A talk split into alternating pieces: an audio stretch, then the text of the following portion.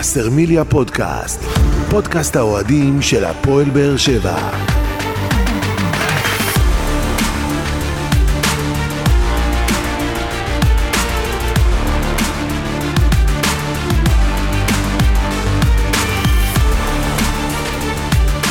שלום לכם וברוכים הבאים לבשרמיליה פודקאסט. פרק 62 בסדרת פודקאסטים שמלווה את הפועל באר שבע לאורך העונה ותנסה להתמקד בנושאים שאתם, אוהדי הקבוצה, תעלו בפנינו בפלטפורמות השונות. אנחנו פותחים רשמית את עונת 2023-2024,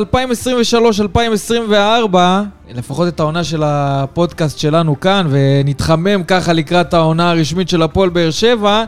יהיה לנו פה פרק גדוש ומלא בדברים מעניינים, עושים חימומים אחרונים לקראת העונה הקרובה של הפועל באר שבע.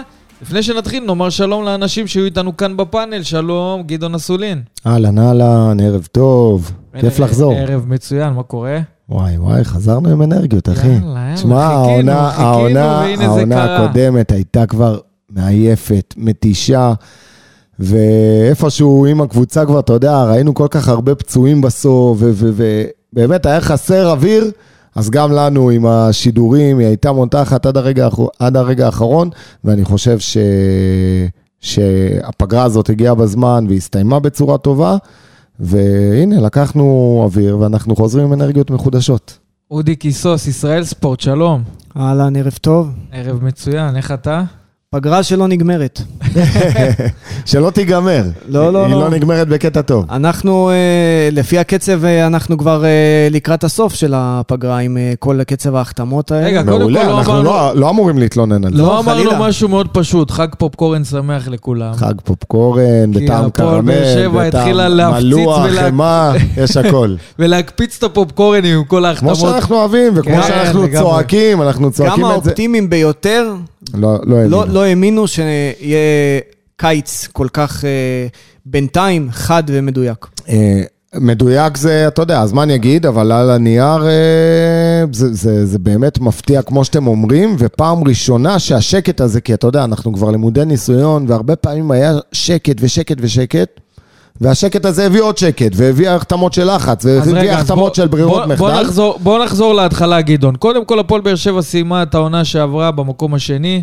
היינו שם כמעט עד הסוף בפייט מול מכבי חיפה, ובהפועל באר שבע הבינו כבר אז, לקראת סיום העונה, כשראו מול לאן מכבי הדברים חיפה הולכים, והמינהלת. גם מול מכבי חיפה וגם מול מכבי תל אביב, הבינו שעבודה נכונה במהלך הקיץ הזה יכולה להקפיץ את הפועל באר שבע כמה רמות למעלה ולהתמודד על האליפות עד הסוף. הבינו שזאת העונה שהפועל באר שבע יכולה לעשות את קפיצת המדרגה עם החיזוקים הנכונים, עם הבסיס הטוב, כי ראינו שיש בסיס שאפשר אה, לעבוד איתו, והפועל באר שבע תוכל באמת להתמודד על האליפות. אבל בואו נחזור למסר של יניב ברדה בסיום העונה שעברה נכון, במשחק וזה האחרון, מתחבר אחד לשני. כשהוא אומר, אני רוצה לצאת למחנה האימונים של הפועל. באר שבע עם סגל מלא. הוא אמר גם, ואנחנו הזכרנו את זה גם אז, שהפועל באר שבע בעונה שעברה לא התחילה עם uh, סגל מלא את מחנה האימונים, היא הייתה רחוקה מזה, זרים הגיעו באיחור עוד אחרי מחנה האימונים, והוא אמר שזה פגע גם uh, ב... ביכולת של הפועל באר שבע בתחילת העונה, וזה בסופו של דבר מה שקלקל לנו גם בצבירת הנקודות, ראינו איך uh, העונה שעברה נפתחה, אז יניב ברדה שם על זה את האצבע, ומבחינתו סימן מטרה, וכשהוא אומר את זה בחוץ לתקשורת, המטרה הזאת מהדהדת גם להנהלה וגם לאוהדים. את uh, החלון הזה פתחנו uh, יחסית uh, באדישות, נקרא לזה, מבחינת הפרסומים. בדיוק, בדיוק. ואז התחילו לשאול שאלות. מה קורה להפועל באר שבע? האם חוזרים שוב על אותן טעויות שנעשו בשנים האחרונות ולא למדנו מהן? ובסוף, אנחנו רואים את השבועיים האחרונים, פצצה אחרי פצצה, הפועל באר שבע מצליחה להנחית את השחקנים של יניב ברדה רוצה. נכון, לא כולם אופציות ראשונות, אבל לפחות הוא סוגר עמדות. וזאת הייתה המטרה של יניב ברדה, לצאת למחנה אימונים עם שחקנים סגורים, עם עמדות שיודע פחות או יותר מי פותח אה, מבחינתו אה, בהרכב ועל מי הוא בונה. והוא סגר את זה גם מבחינת ישראלים שהגיעו וגם מבחינת שחקנים זרים.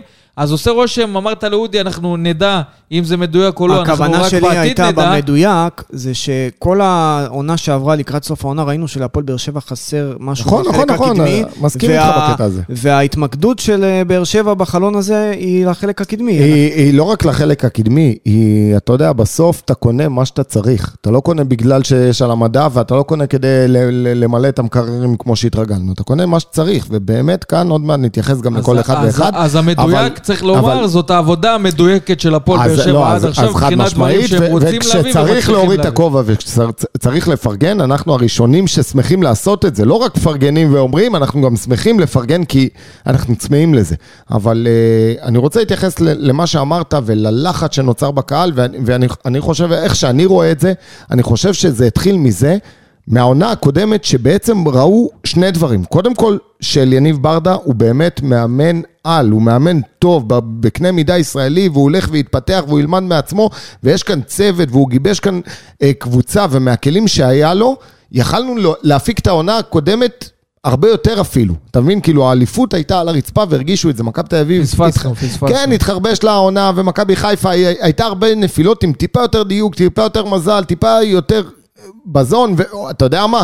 לפגוע בזרים, ל- ל- ל- ל- הנקודות החול- החולשה שהיו לנו, אם היינו קצת יותר חזקים בהם, אז האליפות הייתה על הרצפה, ואמרנו את זה לא פעם במהלך העונה, ואז יוצאים לפגרה, כמו שאמרת, ושקט, והשקט הזה הרבה פעמים לא מסמן טובות, לפחות בגזרה שלנו, ואנחנו יודעים שאתה אומר, כאילו, תשמע, זה אותו מאמן, אותו צוות, כבר איך שנגמר העונה, יום אחרי זה אני ציפיתי לראות...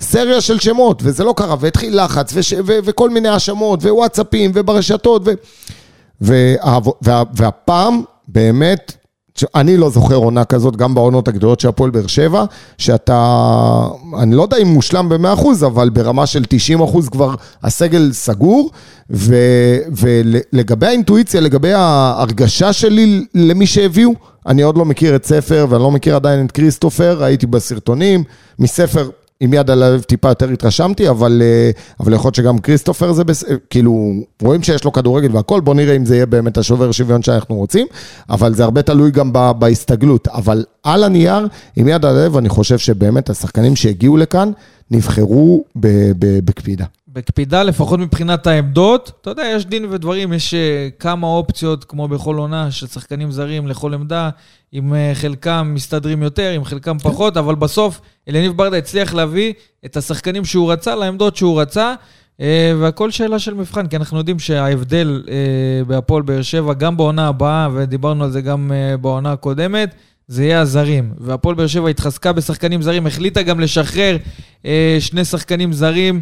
אה, אחד שלושה, מהם היה, עם אחד. מהם, לא, כן, מדבר אחד אה, ב standby, אני מדבר על הכנפיים, אה, והביאה להם מחליפים, כנפיים חדשות בהפועל באר שבע. השאלה אם זה מה שיעיף אותנו קדימה ו... כן, אבל היא הביאה אותה מוקדם. בוא נחזור, בדיוק. בוא נבוא גם שנתיים אחורה, לא שנה אחורה, אספריה. אני זוכר שבמשחק נגד אה, ורוצלב הפולנית, במשחק אה, הגומלין פה בבית, הוא הגיע והיה בסגל הראשונה, והוא כמעט לא, הוא לא קיבל דקות. ומתי הוא נזכרו לתת לו את הדקות משחק, כי הוא לא עשה מחנה אימונים? נתנו לו אותם בגומלין, שהיינו כבר בעשרה שחקנים, אם אתם זוכרים, נכון. אה, נגד נכון. אנורטוזיס. ובשנה שעברה היה לנו את אה, סלמני שלא עשה מחנה אימון, אם אני זוכר נכון. לא, לא, אין ואת מה. שפי שלא עשה מחנה כן. אימון. אז... אה, איפה שלא תלך אחורה, באמת, חוץ, מה, חוץ מה, מה, מהרצף של האליפויות, ששם נכון, באמת נכון. השחקנים כבר נשמרו פחות או יותר, והיה כאן אה, צוות שידע מה הוא רוצה מעצמו. גם היה, אז היה בסיס תזכור של זרים שרץ את העונה ש- לאורך כמה שהביאו. לך את אה, אסלבנק, סבא, ואיך קוראים לו, ההוא מביתר, אה, אריק סאבו? נכון. אה, אם אני לא טועה, הם באו ביחד, וזה היה ב- כמעט בסוף אוגוסט או תחילת ספטמבר, זה הזיה. לקחתם אותנו אחורה. בואו בוא, בוא נסתכל רגע מה נעשה בקיץ הזה בהפועל באר שבע, ונסתכל קודם כל על השחרורים. אז uh, הצמד uh, ששוחרר, ובהודעה אחת, שהמועדון נפרד מהם, זה גם איתי שכטר וגם uh, אביב סולומון. uh, סולומון עדיין בלי קבוצה, שכטר uh, עבר להפועל פתח תקווה, ראינו אותו חותם בשבוע האחרון. אה, שני שחקנים שמבחינה מקצועית, ראינו שהם לא ממש אה, בתוכניות של אליניב ברדה, וזה איזשהו אה, פינוי מקום אה, לשחקנים הבאים שיגיעו להחליף אותם. מרטין, שידענו שזה לא הולך לכיוון של להישאר. אה, אני בכוונה רוצה להשאיר את אריאל הרוש לסוף, כי יש על זה גם דיבור, והיה על זה גם דיבור, אה, ונתייחס לזה, אבל נתייחס קודם לכנפיים.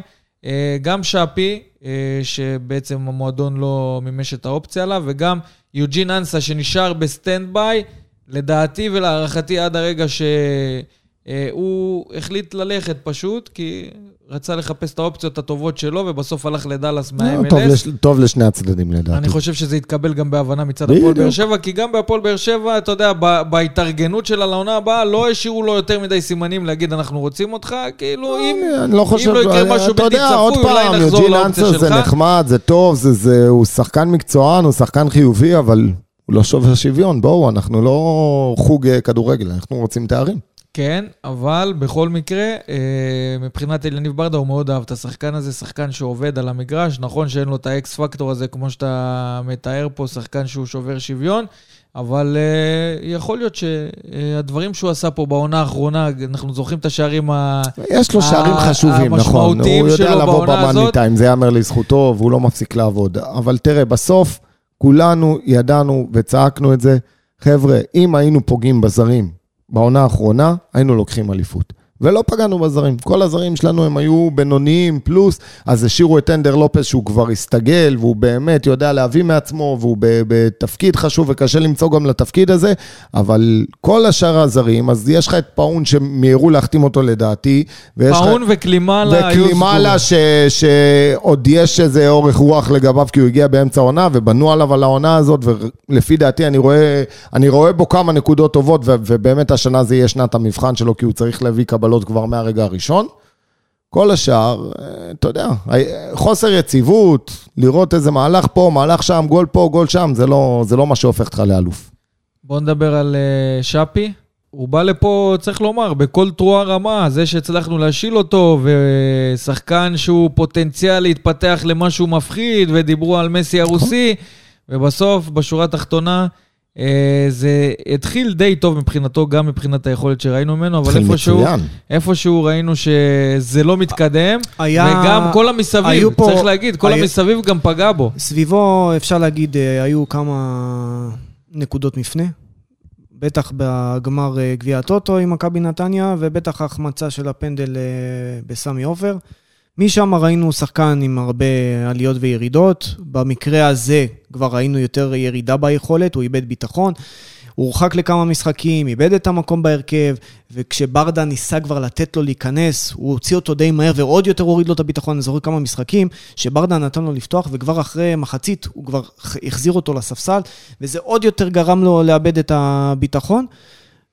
כמובן שיש פה פספוס לפחות אה, בעיניי, אבל... עד- עד כמה אבל זה באמת- פספוס, אבל זה פספוס בלתי נמנע בנקודת ה... בסיטואציה הנוכחית. ברגע שהוא מור- מורחק לכל כך הרבה משחקים, ויכול לחזור רק במחזור השביעי או השמיני, אני לא זוכר בדיוק, אז פספוס או לא, אתה לא יכול להחזיק זר עד המחזור הזה בלי לשחק, כשאתה לא יודע בכלל אם אתה תעלה לשלב בתים באירופה, שעל זה נדבר בהמשך, אז זה... אין זהו, ברירה. אני- אתה אתה אני- חוזר לפספוס. אני דעתי זאת- על שפי, אמרתי, פגיעה- אמרתי בסיכום העונה הקודמת, בפרק אה, סיכום עונה שאמרנו, ואמרתי שאני לדעתי, אפילו בחרתי בו באכזבת העונה, אם אני לא טועה. כי כמו שאתה אומר, הוא יצר ציפיות, הוא בא בכאן בכל תרועה רמה, ומקרס נודר, בח- בחור צעיר שסומן במועדונים הרבה יותר גדולים מהפועל באר שבע, והתחיל בצורה מצוינת, זה אומר, וגם חברתית הוא התחיל, כאילו, אתה יודע, היה שם את כל ה story עם חתואל וכל הזה, כאילו, אתה מבין שגם בחדר הלבשה הוא, הוא נטמע בצורה טובה. אתה אומר, הכל הולך חלק, זה שחקן שאמור כבר להתפוצץ, והוא התחיל, התחיל עם בישול, והתחיל עוד גול, ועוד גול, ובישול, ועוד פנדל, ו...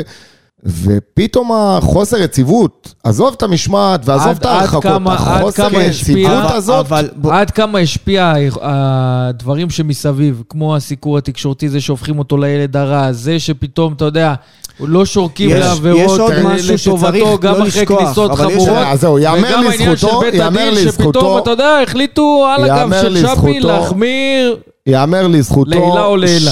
שמהשנייה הראשונה פשוט באו לפוצץ אותו, כל הליגה. ראו שזה שחקן חזק, ראו שזה שחקן שיודע להדביק את הכדור, ראו שזה שחקן שיוצא מהר, שחקן מסוכן. כל קבוצה, אין משחק אחד ששאפי קיבל חיים קלים. כאילו, אתה יודע, יש שמירה אישית, ויש לבוא ולגמור את אין- השחקן. אין לי את הנתונים, אני רק, לדעתי, הוא השחקן שביצוע כן, עליו כן, הרבה לא. לא, חד משמעית, חד משמעית. זה אני בוודאות. לא יודע להגיד לך מספר מדויק, אבל חד משמעית, אני זוכר את הנתון הזה. יחד עם זאת, אני ראיתי הרבה, קודם כל החוסר יציבות. התפקיד שלו הוא תפקיד מאוד מאוד חשוב. הוא היה ברמה שהוא אמור להוביל את הקבוצה. אין לנו קבוצה של כוכב אחד, נכון, אבל הוא היה אמור להיות השובר שוויון הזה, השחקן הזה שבאמת אה, כל הקבוצה עליו, למרות שהוא צעיר ולמרות שהכל, אבל, אה, אבל היה לו חוסר יציבות, ומה שאותי עוד יותר, אה, אתה יודע, נתן לי את הגושפנקה הזאת לזה שהוא פשוט לא ישתנה יותר מדי. זה, אני לא ראיתי יותר מדי אינטליגנציה במשחק שלו, אני חייב להגיד. יש לו נתונים מפה ו- ו- ועד תאילנד. הוא לא יודע ליישם אותם. הוא נכנס כל פעם למלכודת, יחזקאל הרבה פעמים היה פותח לו על הקו, תן לו את הדאבל, תלך, ת, ת, תלך על החוזקות שלך, תרוץ על הקו, תפתח את המעברים. לא, הוא נכנס עוד פעם, מנסה לעבור עוד פעם, מנסה, ואז, ואז, ואז כבר אתה נכנס לאיזה לופ כזה של מלכודות, שכאילו מכשילים אותך, אז אתה מתעצבן. ו... אז אני, בסוף, אני, אני, אני בסוף חושב ה- שזה בלתי נמנע. השיקולים ו- של המועדון. גדעון אה, נתן אה, את הנקודות על הנושא המקצועי, אה, ואני מסכים איתו. צריך להוסיף גם את העניין הזה שכמובן הוא מתויג כבר, אם הוא היה נשאר נכון. פה. הוא מתויג, יש לו כבר עונש גם בנוסף על תנאי, וצריך לזכור את הדבר הכי, הכי שולי במרכאות, זה שבשביל להשאיר אותו, הפועל באר שבע הייתה צריכה לרכוש אותו. בסכום שקרוב אני למיליון רציתי- יורו. רציתי. להתייחס לזה, וגם הסוכן שלו דיבר, וגם שפי עצמו העביר מסר למועדון, וגם קרסנודר אישרו איכשהו קו. הייתה אופציה גם להוריד מהסכום הזה של, ה... של, נכון, של אבל מימוש הסעיף. בכמה כבר אתה יכול להוריד? היו מגיעים אפילו לחצי מזה, אבל בסוף בשיקולים, אתה יודע, מבחינה מקצועית, אם במועדון היו רוצים אותו, היו יודעים להסתדר, זה גם המסרים שקיבלו. הם מאוד רצו. ששאפי יישאר פה. שפי עצמו מאוד רצה להישאר פה. נכון, והמ- כל הסביבה שלו רצתה שהוא יישאר פה, המועדון בחר שלא. אני חושב, אני חושב, אני חושב. שה...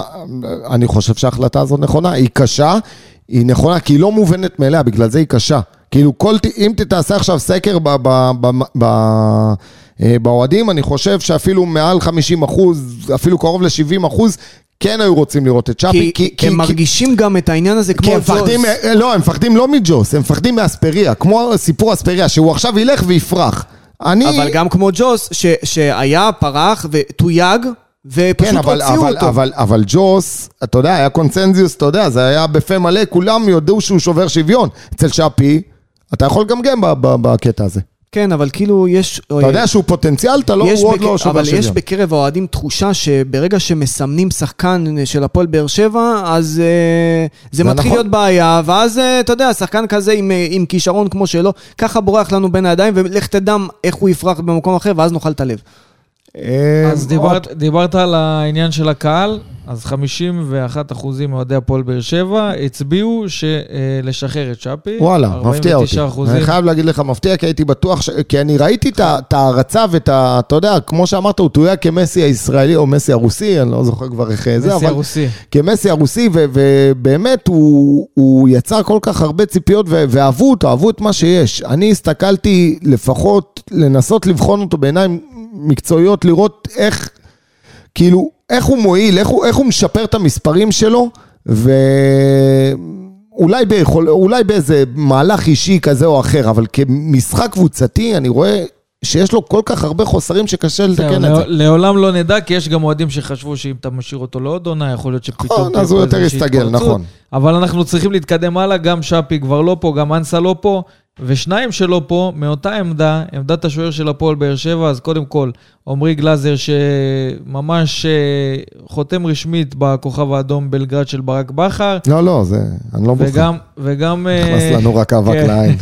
עצוב, איי, איי, כואב, איי, אבל... עצוב, אבל אנחנו אבל- מפרגנים בלב שלם. וגם אריאל הרוש, שעוד לפני כן חתם uh, במ"ס אשדוד, וצריך להסביר גם לקהל, כי שאלו, אם אנחנו מתכוונים לשחרר את עמרי גלאזר, והמועדון ידע שהוא מתכוון לשחרר את עמרי גלאזר, למה לשחרר גם את uh, אריאל הרוש? וצריך לומר שברדה היה מאוד אמיתי עם אריאל, אריאל הרוש, הוא גם אמר את זה בראיונות, אריאל בעצמו.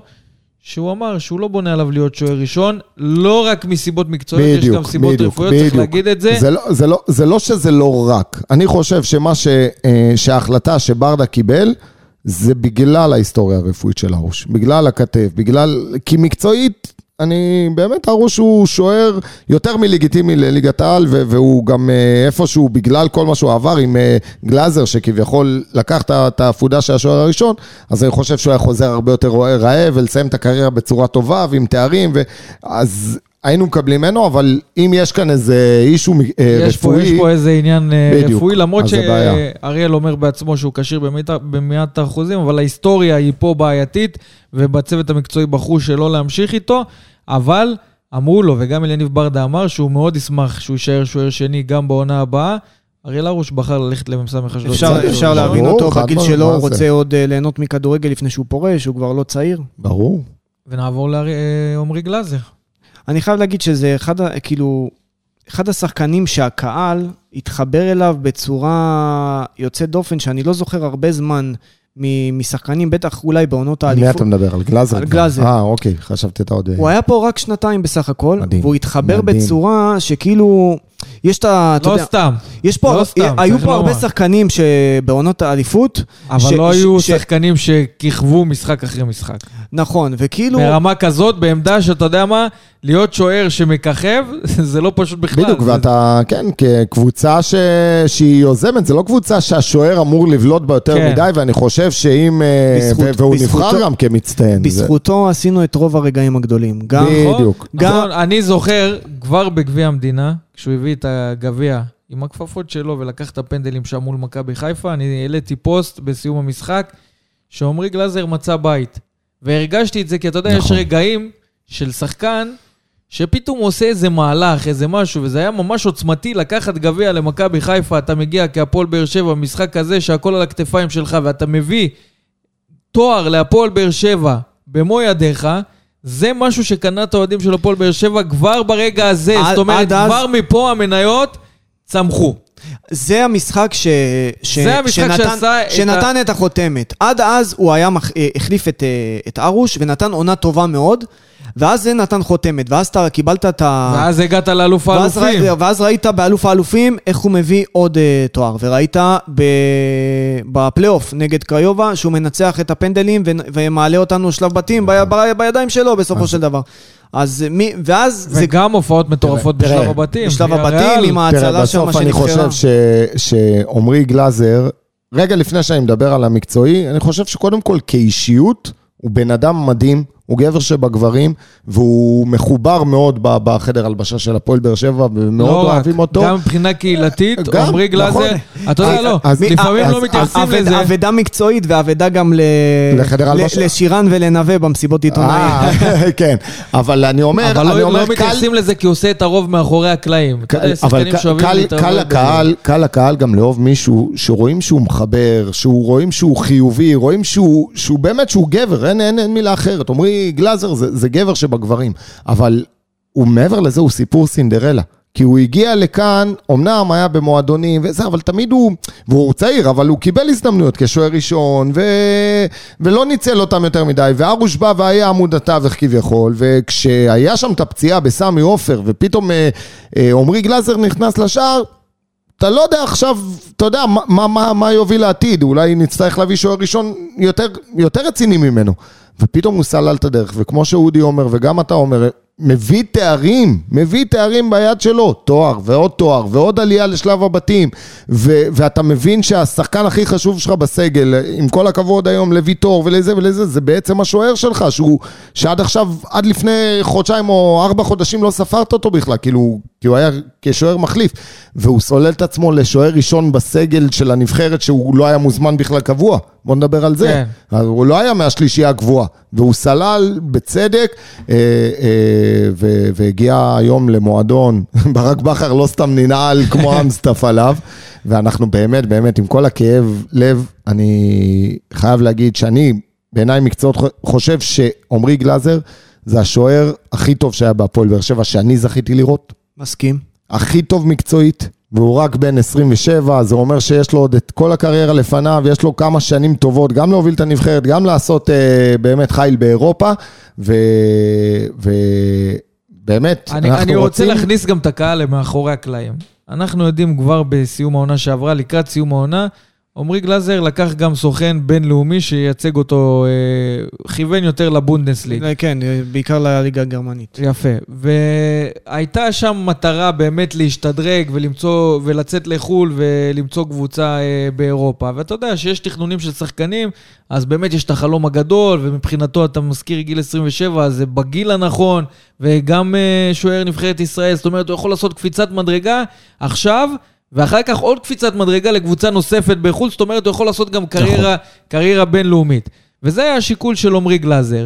והוא התחיל ככה לקבל הצעות, וגם הפועל באר שבע התחיל לקבל הצעות, ואז היה, אה, אתה יודע, בסוף להפועל באר שבע יש חוזה מול עמרי גלאזר עד 2026 לדעתי. כן. וצריך לקבל את ההחלטה, משחררים או לא משחררים. מצד אחד יש שחקן שאתה יודע, מאוד מוערך פה, זה האקס פקטור של הפועל באר שבע בעמדה מאוד קריטית, עמדת השוער, שאנחנו יודעים שכמה שקט הוא הביא לשם וביטחון. ומצד שני, יש באמת את הרצון של השחקן ללכת ולהתקדם. ואתה בתווך ב, בעניין הזה, לתת לו או לא לתת לו, יש את השיקולים שלך כמועדון, יש את השיקולים שלך כשחקן. וחשוב לציין שגם אלונה וגם אלי ברקת וגם הצוות המקצועי, כולם נתנו את ברכת הדרך לעמרי גלאזר, ואמרו לו, מבחינתנו, אתה יכול לקבל uh, את הברכה שלנו uh, להמשך, וזה משהו שעמרי גלאזר מאוד העריך. ואז הגיעה הצעה מהכוכב האדום בלגרד, הצעה שכבר הונחה על השולחן, והיא לא סתם הונחה על השולחן, היא כבר משהו כמו שבועיים, שלושה, מונחת על השולחן, כי לעמרי גלאזר, מהרגע שהוא קיבל את ההצעה, היה קשה מאוד לקבל את ההחלטה ברגע האמת לעזוב את הפועל באר שבע. כי אצל עמרי גלאזר התחילו השיקולים שאולי אני עוזב מקום חם, בית, מקום נכון. שנתן לי לפרוץ, אני יכול להיות, אתה יודע, זה, יש את החלום לעשות קריירה בינלאומית, ו... בדיוק, זה לא החלטה של שנייה שאתה אומר כן. ואז אתה יכול גם להיות שוער שהולך עשר שנים קריירה עם הפועל באר שבע, נכון. להיות פה משהו באמת... אתה יודע ב... שהמקום שלך בטוח פה. בקנה מידה ישראלי, אתה הופך להיות באמת איזה אגדה, אפשר לקרוא לזה. וברגע שהוא קיבל את ההצעה הזאת, אז נכנסו השיקולים האלה, והוא מרח את זה, מרח את זה, עד שאמרו לו אה, בכוכב האדום שהם רוצים לקבל את ההחלטה, והוא בסוף אה, החליט אה, ללכת לשם. אז קודם כל, ברמה האישית, בינינו, אנחנו מכירים את עמרי גלאזר, יודעים עד כמה... אה, כאישיות, הוא בן אדם טוב שמגיע לו גם העניין, הפריחה המקצועית. מאוד מאוד התחבר גם לעיר, למועדון, לאוהדים, מאוד, כאילו, ברמה ש... וזה משהו שבהפועל באר שבע הבינו, וכאנשים שמתעסקים עם אנשים, החליטו באמת לתת לעמרי גלאזר אה, לצאת לדרך, והוא מצידו, ראינו גם את הפוסט אה, פרידה שלו, נכון. שהוא מזכיר את זה שהפועל באר שבע מבחינתו זה בית. ראינו את הפוסט של אשתו, שגם מזכירה את העניין הזה בסוף. יש פה מעבר שצריך לברך עליו, כי יש שחקן שרוצה להתקדם. אנחנו כמובן נשאר אוהדים שלו. אוהדים כן, של עמרי גלאזר גם בכוכב האדום. הוא השגריר. זה שגריר שלנו, אפשר לקרוא לזה ככה. הוא ובכר, אתה יודע, זה, ואני מאמין שגם לא יסתיים. אני חושב, יש לי איזו הרגשה שהוא ייקח עוד איזה שחקן שניים מהליגה. הלוואי, אז עכשיו אנחנו אה, פוזלים גם, גם על הליגה הסרבית. כן, בדיוק, אה, קבוצה ששווה לעקוב אחריה, מעניין, אבל אה, אני חייב להגיד לך, שקודם כל מה שהזכרת, אז לגבי ההחלטה שלו, וקשה, ובסוף הוא קיבל החלטה, והמעבר הזה קרה, עם יד על הלב, וכמה שזה כאילו נוגד את האינטרס שלנו, אני חושב שהוא באמת עשה החלטה נכונה בסוף, בשביל ההתקדמות המקצועית שלו, לעבור למועדון בקנה מידה כזה, עם צוות שכבר מכיר אותך ובונה עליך, והכין לך את הלובי, מה שנקרא, לבוא ולפרוח. אז אני חושב שכמובן שגם יש יש את הסיכוי ואת ההסתברות שזה לא ילך, אבל אני חושב שבאמת, אם הוא, הוא בגיל הנכון והוא בטיימינג הנכון, ומבחינת כושר, והוא, בכושר... והוא הולך לבמה הכי גדולה. בדיוק, בכושר הגופני הכי טוב, אני חושב שהוא באמת... לו שלב ואני בדי. חושב שהוא באמת יכול להגיע גם מעבר לזה, וזו המטרה שלו, כי רואים שהוא אחד כזה שמסמן מטרות. אה, טוב, אבל לפחות לנו... אבל יש לי איזה מועקה יש, קטנה... יש מישהו יש... שיכול לדאוג כרטיסים יש... לליגת אלופות. ברור, מה זה. אבל יש לי מועקה קטנה, וזה דווקא בקטע של החוזה איתו. כאילו, על ה... על, על, אתה יודע, על, על הסכום ששולם עליו. ובאמת קטונתי, אני, אני, אחד, אני האחרון שיסתכל כמה, כמה, כמה השחקן הזה מקבל, או כמה נחתם. כאן במקרה הזה, וקטונתי מללמד את אה, אלי ברקת ואת אה, אלונה ברקת אה, עסקים, אני חושב שזה קצת מדי, מעט מדי, למניה הכי בטוחה שהייתה לך. כאילו, אני אומר, אם עמרי גלאזר, עכשיו, במומנטום הזה של אתה יכול להוציא יותר, זה ללא ספק. רגע, רגע, אני אומר לך, אני, אני, אני חושב שאנחנו מדברים על סכומים כל כך קטנים, אני אומר לך, אם הוא היה במכבי תל אביב, מועדון ש, שלא עכשיו, אה, ש, שלא מתבייש לבקש סכומים, וראינו את זה, אני אומר לך, ברמה של 5-6 מיליון. אנחנו דיברנו על מיליון וחצי, שתי מיליון. לא, זה נסגר על מיליון וחצי יורו פלוס אחוזים. לדעתי, לדעתי זה בדיחה. לדעתי. לא יודע אם חמש-שש, שזה- כי זה קצת אה, גבוה מדי, בטח לגיל שלו. אל תשכח- אולי זה היה מתחיל מזה, תשכח, והיו מתפשרים בסוף על אל שלוש תשכח- וחצי. שלוש, אני מסכים. על שלוש וחצי, אבל תשמע, זה המניה הכי טובה שלך, בוא הוא נגיד את זה צעיר, ככה. הוא, בוא נגיד את זה ככה, שני מיליון זאת הייתה הדרישה הראשונית. זה כבר נמוך. להתחיל מ- משם זה נמוך. זה גם בעיה, העמדה הזאת של שוער, זה, זה בעיה. זהו, זה עכשיו- הקטע, כי עכשיו גם שוער תוסיף- זה לא חלוץ ש... אבל גם שהוא- תוסיף את ה- להפך, זה עוד יותר, בחלוץ יש לך הרבה היצע. לא, לא, לא. תוסיף את כך- העניין- זה לא- זה לא עמדה יוקרתית שקל למכור לא אותה. מסכים איתך, לא מסכים איתך, כי שוער היום זה חצי קבוצה, במיוחד אבל אחד כך- שלמד כך לשחק עם גם העברות הרגליים. גדולות בעולם. העברות גדולות בעולם. אתה זוכר. העברות של שוערים באותם כן, אבל, סכומים אבל כמו אנחנו לא קשרים מדברים שלוש וחלוצים? וחצי מיליון וחמש לא, מיליון ושש מיליון, זה לא סכומים גבוהים. מבחינת למועדונים מכירה. כאלה זה לא סכומים הבעיה גבוהים. שאנחנו מקוטלגים אחרת מאירופה. למשל, מכבי חיפה, אני, אה, מכבי חיפה, אה, הכוכב האדום, רצו, אחד המועמדים היה השוער של רקוב, האלופת פולין, ורקוב אה, דרשו בין אה, 8 ל-10 מיליון אה, יורו, וכרגע בגלל המחיר, אה, השוער הזה ירד מהפרק, וגם בגלל שבכר העדיף לקחת את אה, עמרי גלאזר. עכשיו צריך להוסיף את העניין הזה, שבגלל שבצוות המקצועי יש את אה, ברק בכר ואת אה, וייזינגר, זה גם uh, מקשה על העניין של באר שבע להקשיח עמדות מבחינת המחיר, כי גם גלאזר דוחה וגם יש שם צוות ישראלי וגם מפעילים לחצים מפה ומפה, אז כאילו לא נותר לבאר שבע יותר מדי uh, uh, אופציות. כמובן שאני בטוח שבאר שבע סימנה קו אדום, שממנו היא לא כן. תרד במחיר. כן, כן. אבל חשוב להגיד שהעניינים האלה נסגרו בצורה יפה, וראינו גם את הפוסט של אה, גלאזר, וראינו גם את התגובה של אלונה ברקת לפוסט של אשתו של עמרי. זאת אומרת, הדברים פה אה, השאירו דלת פתוחה במקרה וגלאזר ירצה לחזור לארץ, אז יש קבוצה אחת לפחות מבחינתו שהוא אה, יחזור אליה. יש לי תחושה שזאת לא הפעם האחרונה שנראה את עמרי גלאזר בין הקורות של הפועל באר שבע, אתה יודע איך זה, איך זה מתפתח אה, בקריירות של שחקנים. אבל בואו נתקדם קדימה, והפועל באר שבע, אחרי כל השחרורים האלה, עשתה גם אה, לא מעט החתמות, ודיברנו על זה, על הפופקורנים שנפלו פה, בו, פה בימים האחרונים. אה, בואו נתחיל עם קודם כל המחליף של אה, עמרי גלאזר, אופיר מרציאנו, שמגיע מהולנד, מפיינורד. צריך לומר, עוד לפני שמעתי- השחרור הרשמי של גלאזר, כבר עבדו על המחליף, אופיר, אופיר מרציאנו, מבחינת הפועל באר שבע, זאת הייתה האופציה הישראלית הבכירה ביותר שיכלו להנחית, וזה שמעתי הרבה. דעות, שמע, שמעתי הרבה דעות על הנושא של אה, מרציאנו, ואני יודע שיש המון המון המון, אה, שיש דעות חלוקות בנושא של אה, מרציאנו. בואו נשים את הדברים על השולחן. ג'רפי אה, לא קיבל הבטחה להיות שוער ראשון בהפועל באר שבע, ולכן הוא העדיף ללכת לרוני לוי והפועל חיפה, שהבטיחו לו שוער ראשון. זה ירד מהפרק. טננבאום, יש לו היסטוריה של, של הפציעת גב, והפועל באר שבע לא רוצה לקחת סיכון. ג'וש כהן, ממה שאני יודע, אה, אמנם היה ברשימה כמועמד, אבל משהו קונקרטי או משהו ריאלי לא, לא היה על הפרק. מהר מאוד הבינו שזה לא בעניין. זה לא בעניין, כי גם ככה הוא סירב ל-250 אלף יורו למכבי חיפה. אז כן. צריך לחשוב כמה היית צריך לשכנע אותו בשביל לבוא לבאר שבע, וגם תראה את הסיטואציה בחיפה, הוא לא היה מגיע לכאן. אז אה, פחות... או- אני, אני חושב שגם, באמת אני אומר לך, שבסוף עשו את ההחלטה המקצועית הכי לא- טובה שיש. וגם לא, עם יש- כל השמות לא שהזכרת וכל היסטוריה- הכבוד להם, אני לא נכון. תופס מאף אחד מהם ברמה שיכול לבוא ולכסות את החלל של גלאזר, גם מרציאנו לא כי הוא... נכון. אבל, אבל יחד עם זאת, בוא.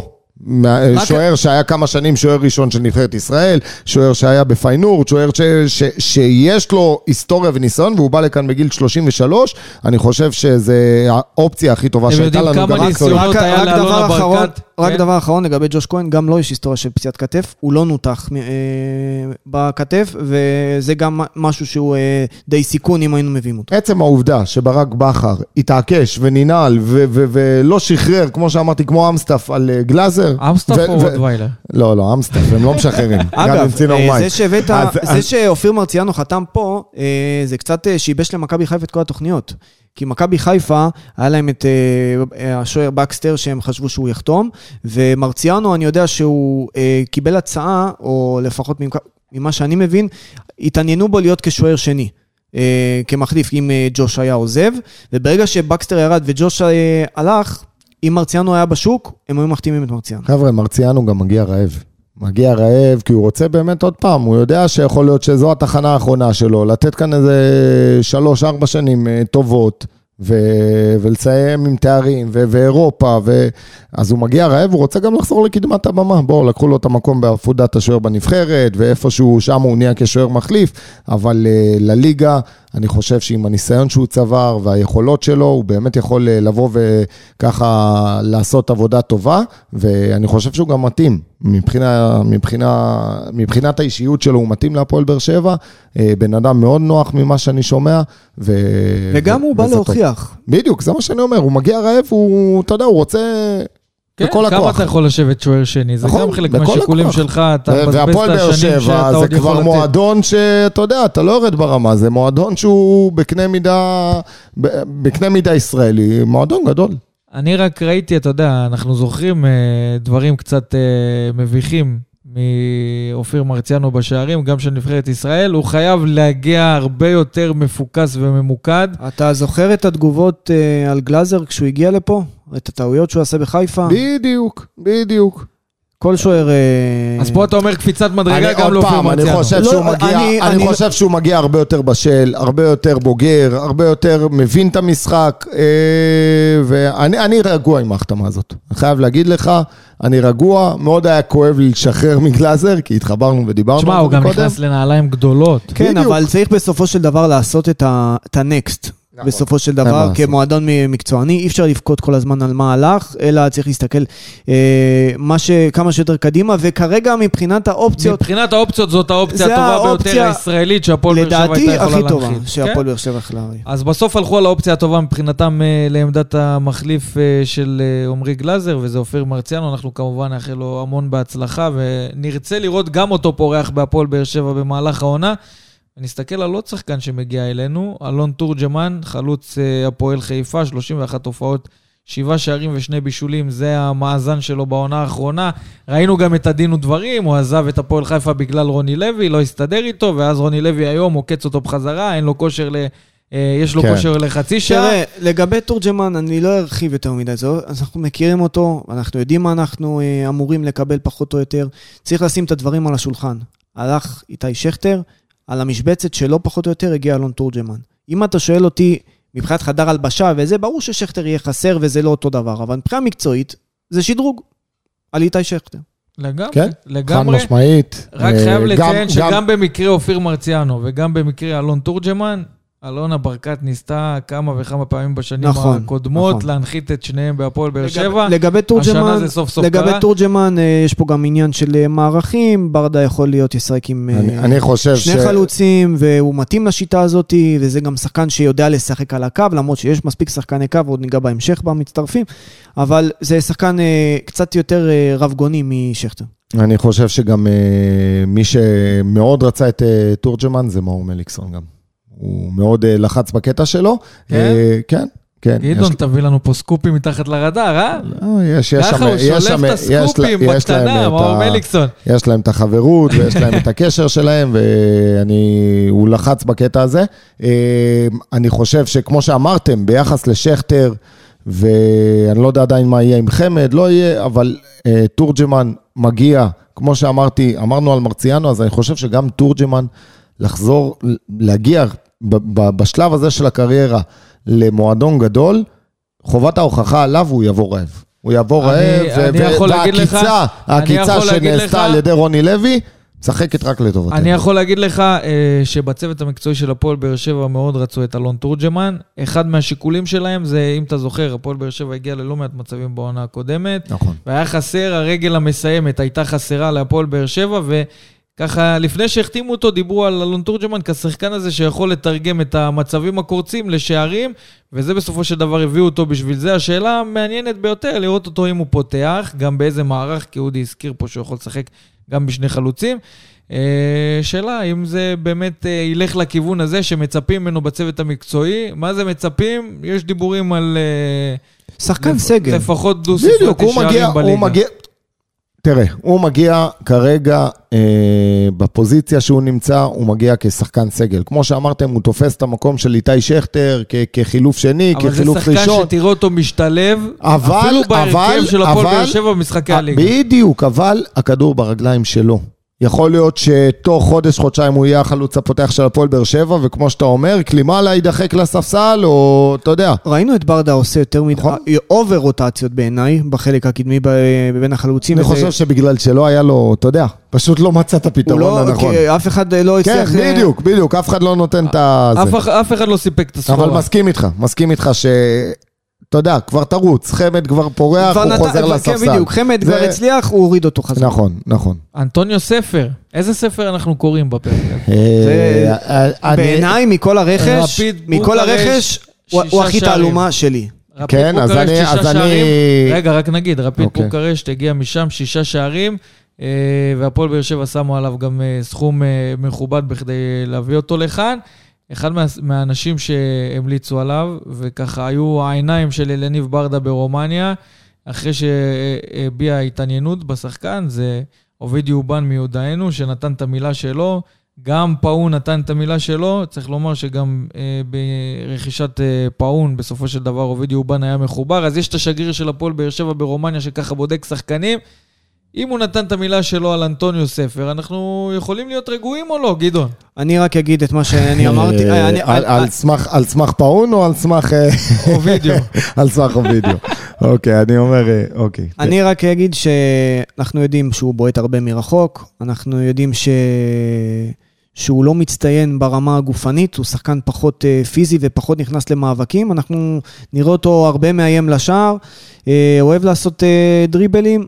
הוא אבל- מגיע למשבצת של שפי, כנף נכון. ימין, עכשיו- שמאיים מרחוק, דריבליסט, שחקן, אחד ש... שחקן שיש לו רגל רגל, שמאל רגל טובה. שמאל שמשחק בצד ימין, נכנס לאמצע, מפנה את האגף אה, לשחקן הקו, אה, לס- ל- כאילו למגן, אה, אבל זה תעלומה, אני, אני רוצה לראות אותו ב, ב, בפועל, לא דרך סרטונים. תראה, קודם כל, אה, גם ספר וגם כריסטופר מגיעים בסוף... חכה עם כריסטופר. לא, רגע, שנייה, לא, תגיע אין בעיה. אבל הם מגיעים בסוף בתפקידים, תפקידי מפתח. עליהם ייפול ויקום דבר, עליהם נפלנו העונה, בסדר? כן. בגדול, הכנפיים שלנו היו מאוד חלשות. אז יש להם משקל מאוד גדול על, ה, על הכתפיים. אם אני, אה, אודי אומר תעלומה, אז אני לא אוהב להסתמך על סרטונים בדרך כלל, ואני לא מתלהב ישר, או, שאתה יודע, גומר שחקן על פי סרטון.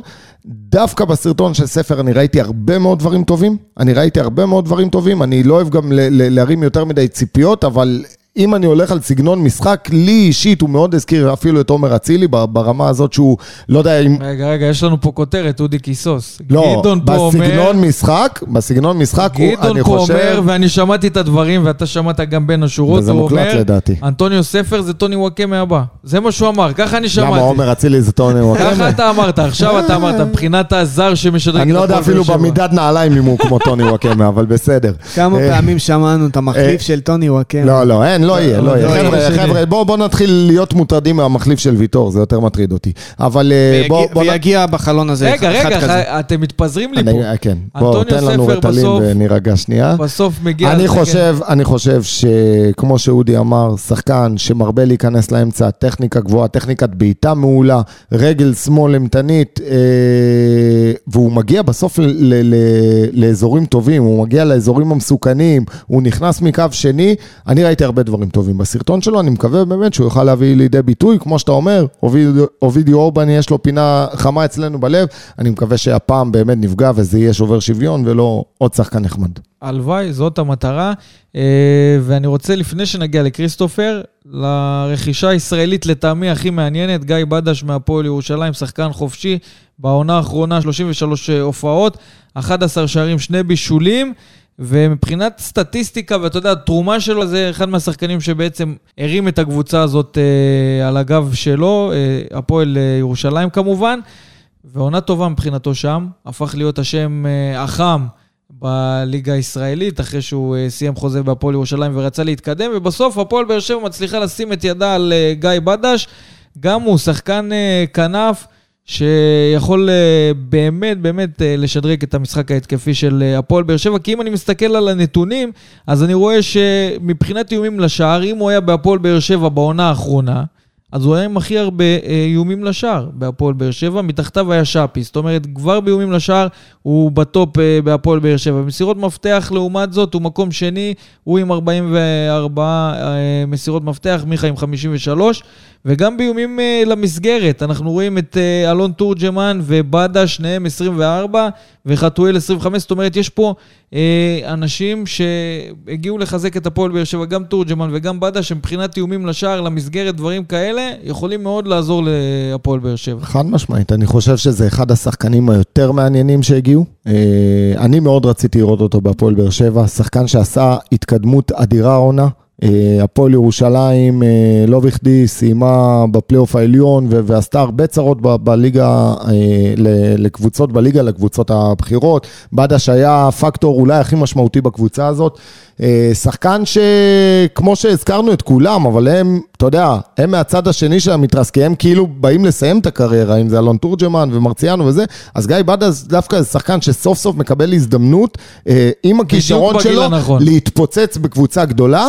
והרבה תלוי בו. אני מאוד אוהב את השחקן, אני מקווה מאוד שאתה יודע, זה לא יתפתח להיות אה, ניב זריאן כזה, שבא עם כישרון ובא עם ציפיות, אני לא חושב שזה הכיוון, אה, ואני, יותר מזה, אני...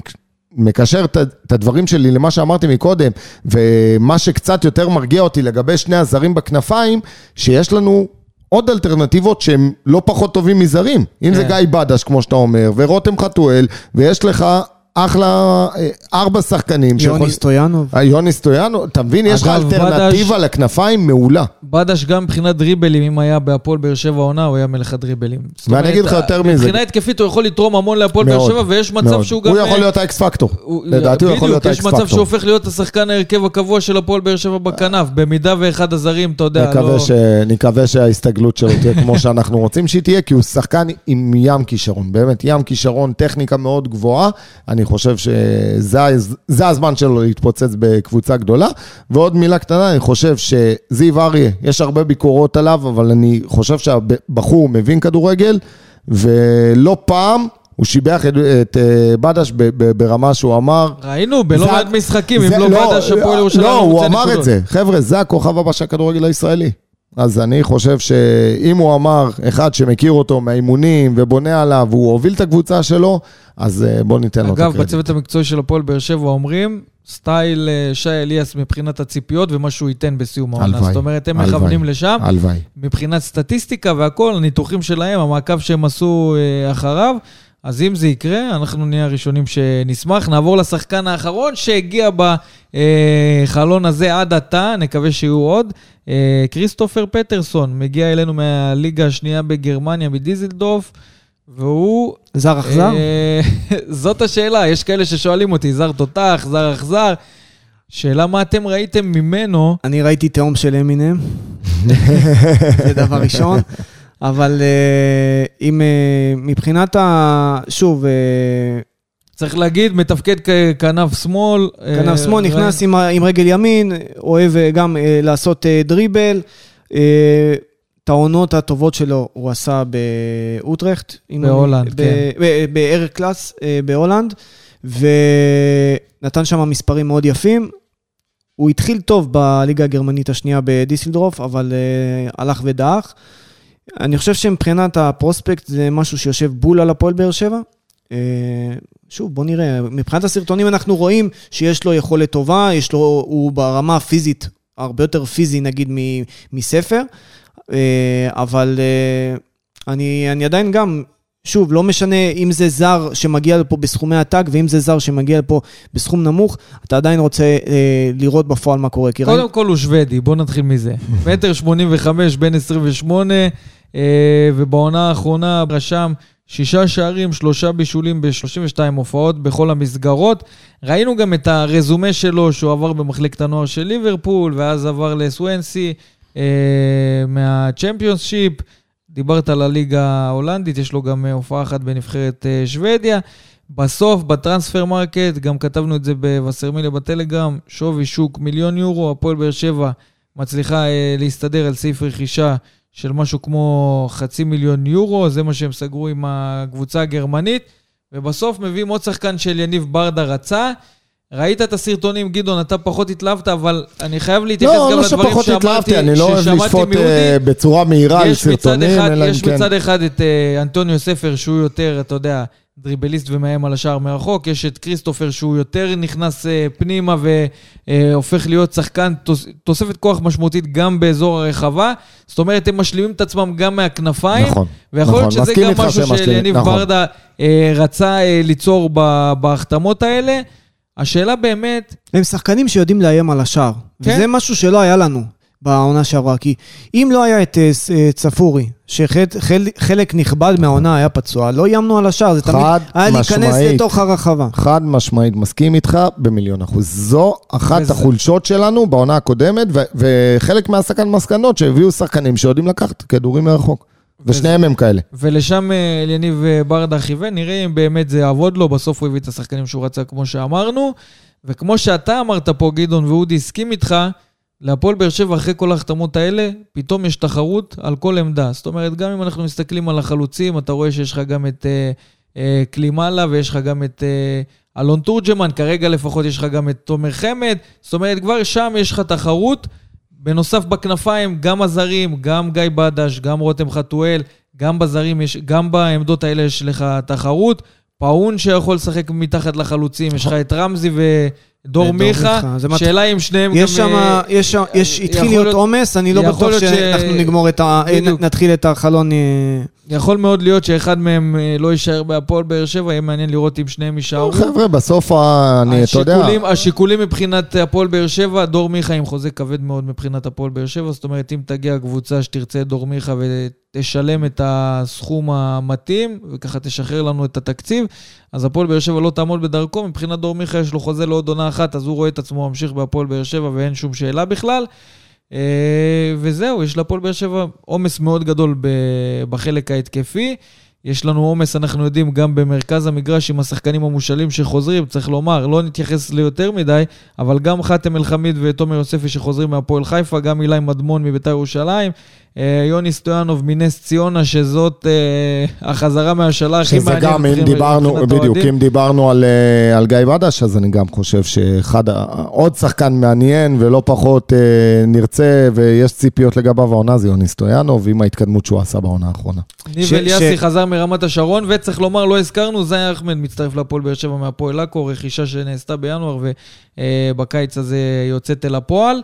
זאת אומרת, יש להפועל באר שבע, גדעון, אנחנו כבר רואים את זה עכשיו, אנחנו נראה שחקנים שגם עד- עוד משתחררים מהפועל באר שבע לקראת המחנה, יש פה עומס מאוד עד גדול שנוצר. המחנה, אבל אני גם חושב שהפועל באר שבע תמתין ל- לסגור את, באמת את כל הסגל, רק אחרי שהיא תדע אם היא תש- תשחק בשלב בתים באירופה או לא. כי אם הפועל באר זה- שבע לא תשחק בשלב בתים, זה נכון, יתחיל להיות אבל, בעיה. אבל גם תראה, גם מבחינת המכסה של הזרים, יש לך עוד, ואני מסכים קודם כל, איתך. יש אני, לך חמישה זרים כרגע בהפועל, נכון. ושישה.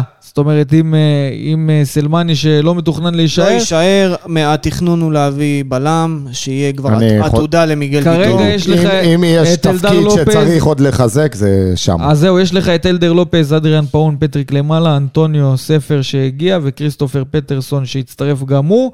אלה חמשת הזרים של הפועל באר שבע שבונים עליהם לקראת העונה הבאה. יש את סלמני שרק מחכים אה, להשתחרר ממנו, ויש גם התעניינות מקבוצות כאלה ואחרות, מקווים באמת לסגור את זה. ואז יתפנה לנו מקום לזר נוסף, שנכון לרגע זה מכוונים לעמדת הבלם. ואם אנחנו נסתכל על עמדת הבלם, יש את חאתם עבד אלחמיד שחוזר מהפועל חיפה, יש את יעד אבו עביד, יש את מיגל ויטור, ועדיין ב standby יש לנו את איתן טיבי, שבימים הקרובים כנראה יחתכו את זה והוא לא ימשיך אתה בהפועל. יודע מה. יש לנו אין לו בעיקר? אתה יודע מה יש. לנו. בעיקר? אין לו, אבל הוא לומר. ב standby. כן. אתה יודע מה יש לנו בעיקר?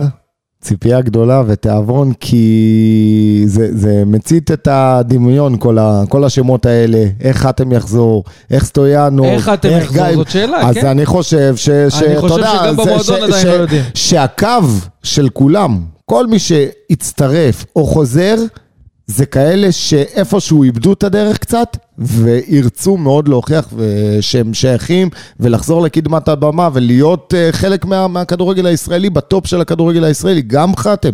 אז דיברנו מקודם על גיא בדה, שזו ההזדמנות שלו ל- ל- להפציץ בקבוצה גדולה.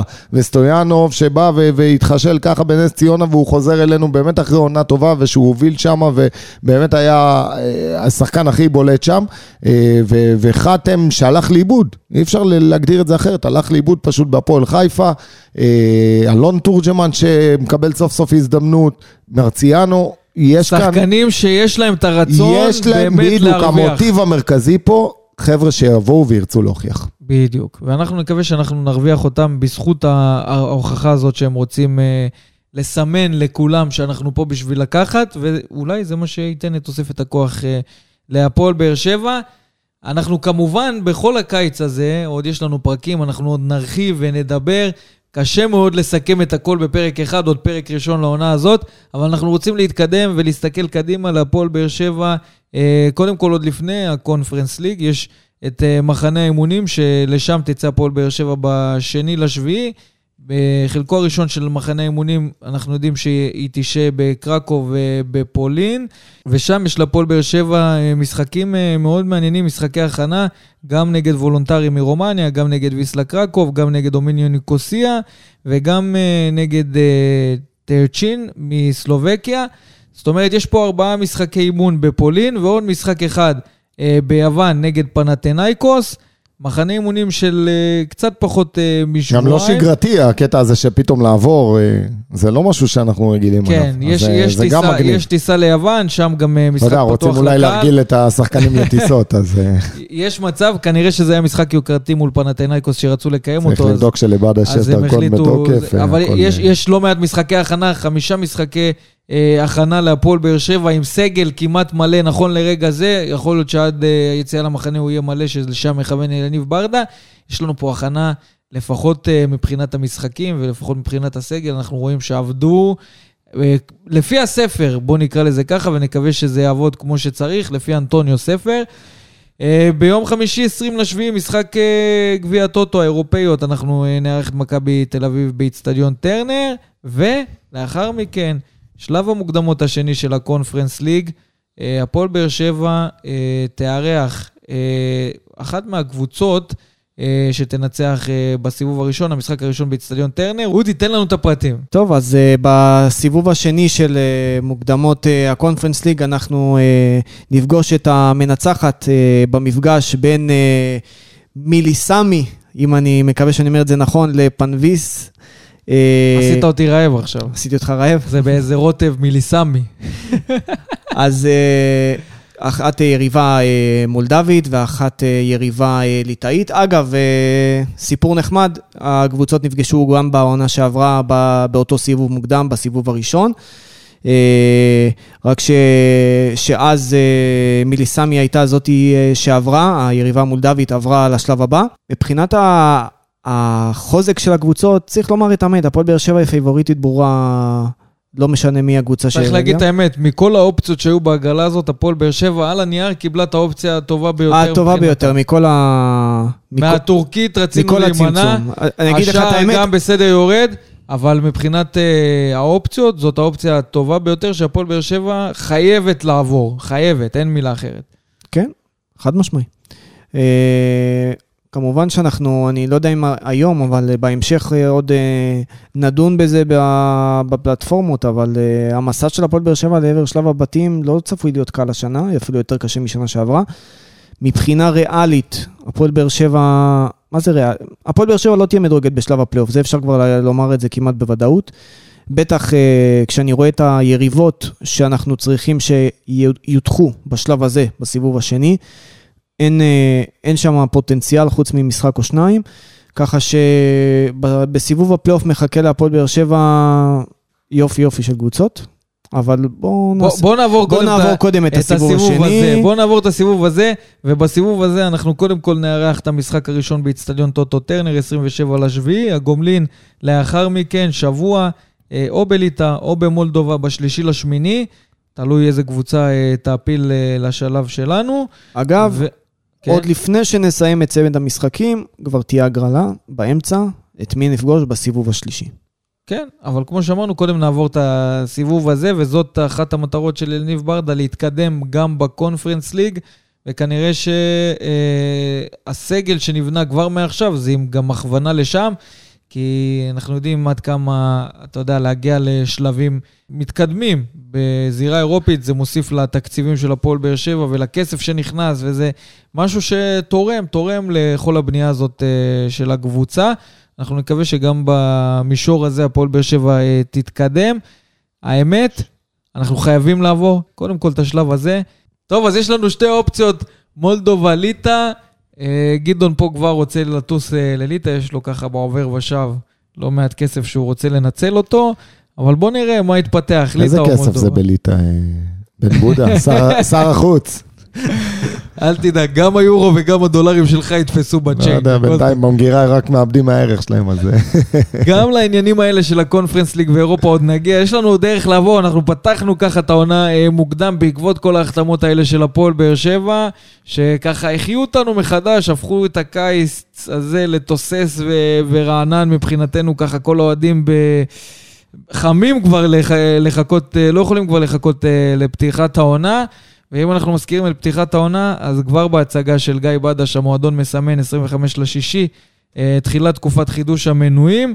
אז ראיתם את הקיץ הזה שהפועל באר שבע עשתה, ראיתם את הכוונות של הפועל באר שבע ואלונה ברקת, שדיברו כן קיצוצים, לא קיצוצים, בסוף עובדים לפי הספר, צריך באמת לפרגן כשצריך, כמו שאמר פה גדעון בתחילת הפרק.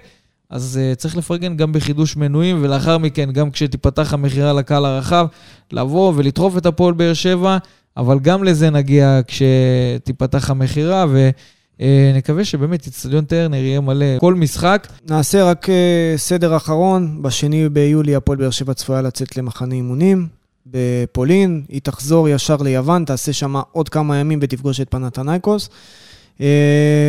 כמו שאמרת, 20 לשביעי משחק אה, האירופאיות, רבע גמר גביע הטוטו נגד מכבי תל אביב. זה יוצא אה, אה, בשעה 8, ב-20 לשביעי. וב-27 לשביעי המשחק הראשון בטרנר, נגד המנצחת בין, הליטאי, בין הקבוצה מליטא לבין הקבוצה ממולדובה. טוב, אז יש לו"ז צפוף.